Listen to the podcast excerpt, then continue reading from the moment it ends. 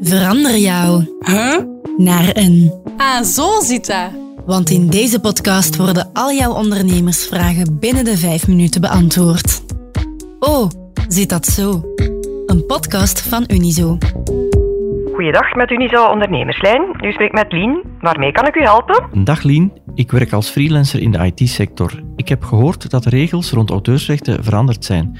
Mag ik nog betaald worden in auteursrechten? Oké, dat is een vraag waar u zeker voor bij ons eh, terecht kan, namelijk bij collega Julie Leroy van de Unizo Studiedienst. Zij zal u graag verder helpen. U bent inderdaad goed geïnformeerd, want het klopt dat minister Van Petegem de fiscale regels voor vergoedingen bij auteursrechten heeft hervormd. En die nieuwe regels gelden eigenlijk al voor je inkomsten in 2023 en moet je dus toepassen als je volgend jaar in 2024 je aangifte indient. Je kan het interessante fiscale regime uiteraard enkel gebruiken als je aan een aantal voorwaarden voldoet. En de twee belangrijkste zijn ten eerste dat je de vergoeding moet ontvangen als natuurlijke persoon. Je mag de vergoeding dus niet rechtstreeks laten uitbetalen aan je vennootschap. En ten tweede moet je de vergoeding ontvangen voor de overdracht of verlenging van licentie van auteursrechten, zoals bepaald in boek 11, titel 5 van het wetboek Economisch Recht. Een heel moeilijke omweg eigenlijk om te zeggen dat computerprogramma's en software, wat voor u belangrijk is, niet vallen onder die befaamde titel 5. En daardoor is er eigenlijk een grote kans dat de fiscus zal zeggen nee, nee, u kan als freelancer in de IT-sector niet van het interessante regime genieten.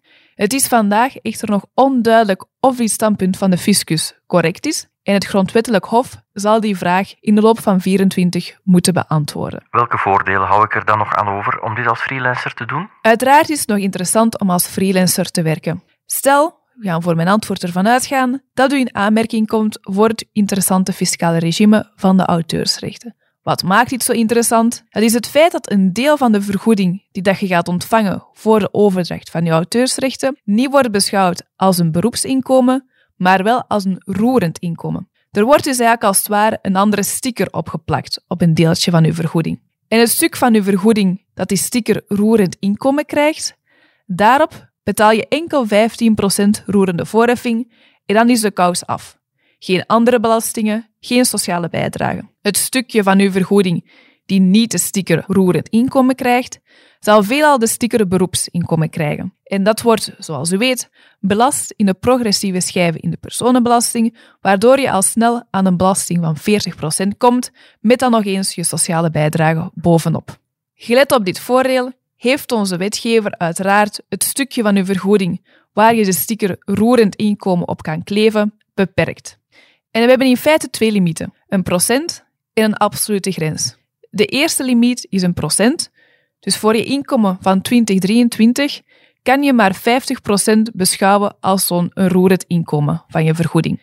En die taalt naar 40% voor je inkomen van 24 en tot slot naar 30% voor je inkomsten voor auteursrechten vanaf 2025.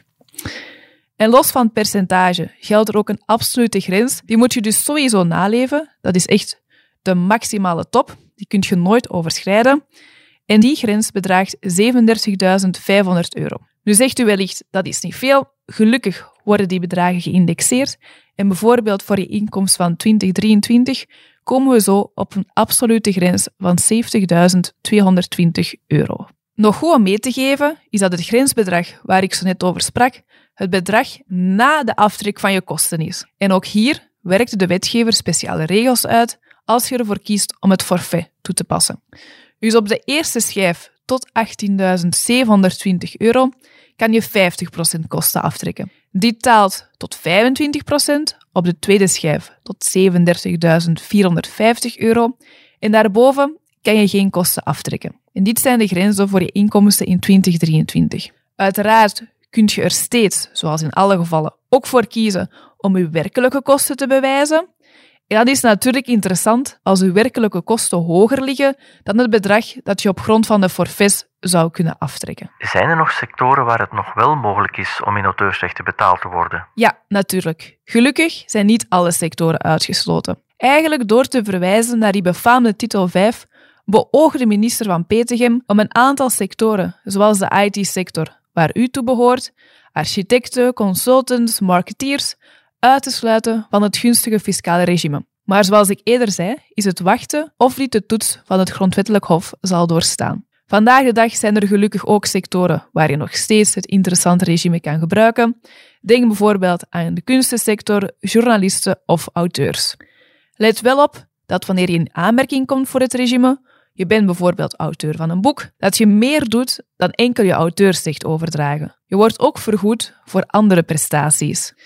En de fiscus gaat dan uiteraard ook niet aanvaarden dat 100% van uw vergoeding uit auteursrechten bestaat. Je gaat dus moeten zoeken naar een evenwicht tussen je vergoeding voor auteursrechten aan de ene kant, waarvoor je dan het interessante regime met de TV-stickers kan gebruiken, en langs de andere kant je vergoeding voor de andere prestaties. En vergeet ook niet, als je effectief je auteursrechten overdraagt, waarvoor je dus de befaamde vergoeding ontvangt, dan betekent dat dat anderen ook je werk gaan kunnen gebruiken.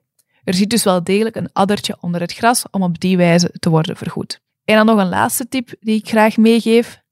Twijfel je of dat je in aanmerking komt voor het fiscale regime voor de auteursrechten, vraag dan steeds voorafgaand, dus voorafgaand aan je uitbetaling, een ruling aan bij de FOD Financiën. O Zit Dat Zo is een podcast van Unizo met expertise van onze interne diensten en onze partners. Wil je wat meer informatie over dit topic? Surf dan naar de kanalen van Unizo of klik op de link in de show notes. De productie en de eindredactie gebeurden door Keana van Houtegem en Babette Plessers. Ben je lid van Unizo, dan kan je net zoals de ondernemers in deze podcast contact opnemen met de ondernemerslijn voor gratis advies. Dat kan gemakkelijk op het nummer 02 21 22 678. Wil je beroep kunnen doen op onze in-house expertise, maar ben je nog geen lid van Unizo? Ga dan voor samen ondernemen en surf als de bliksem naar www.unizo.be.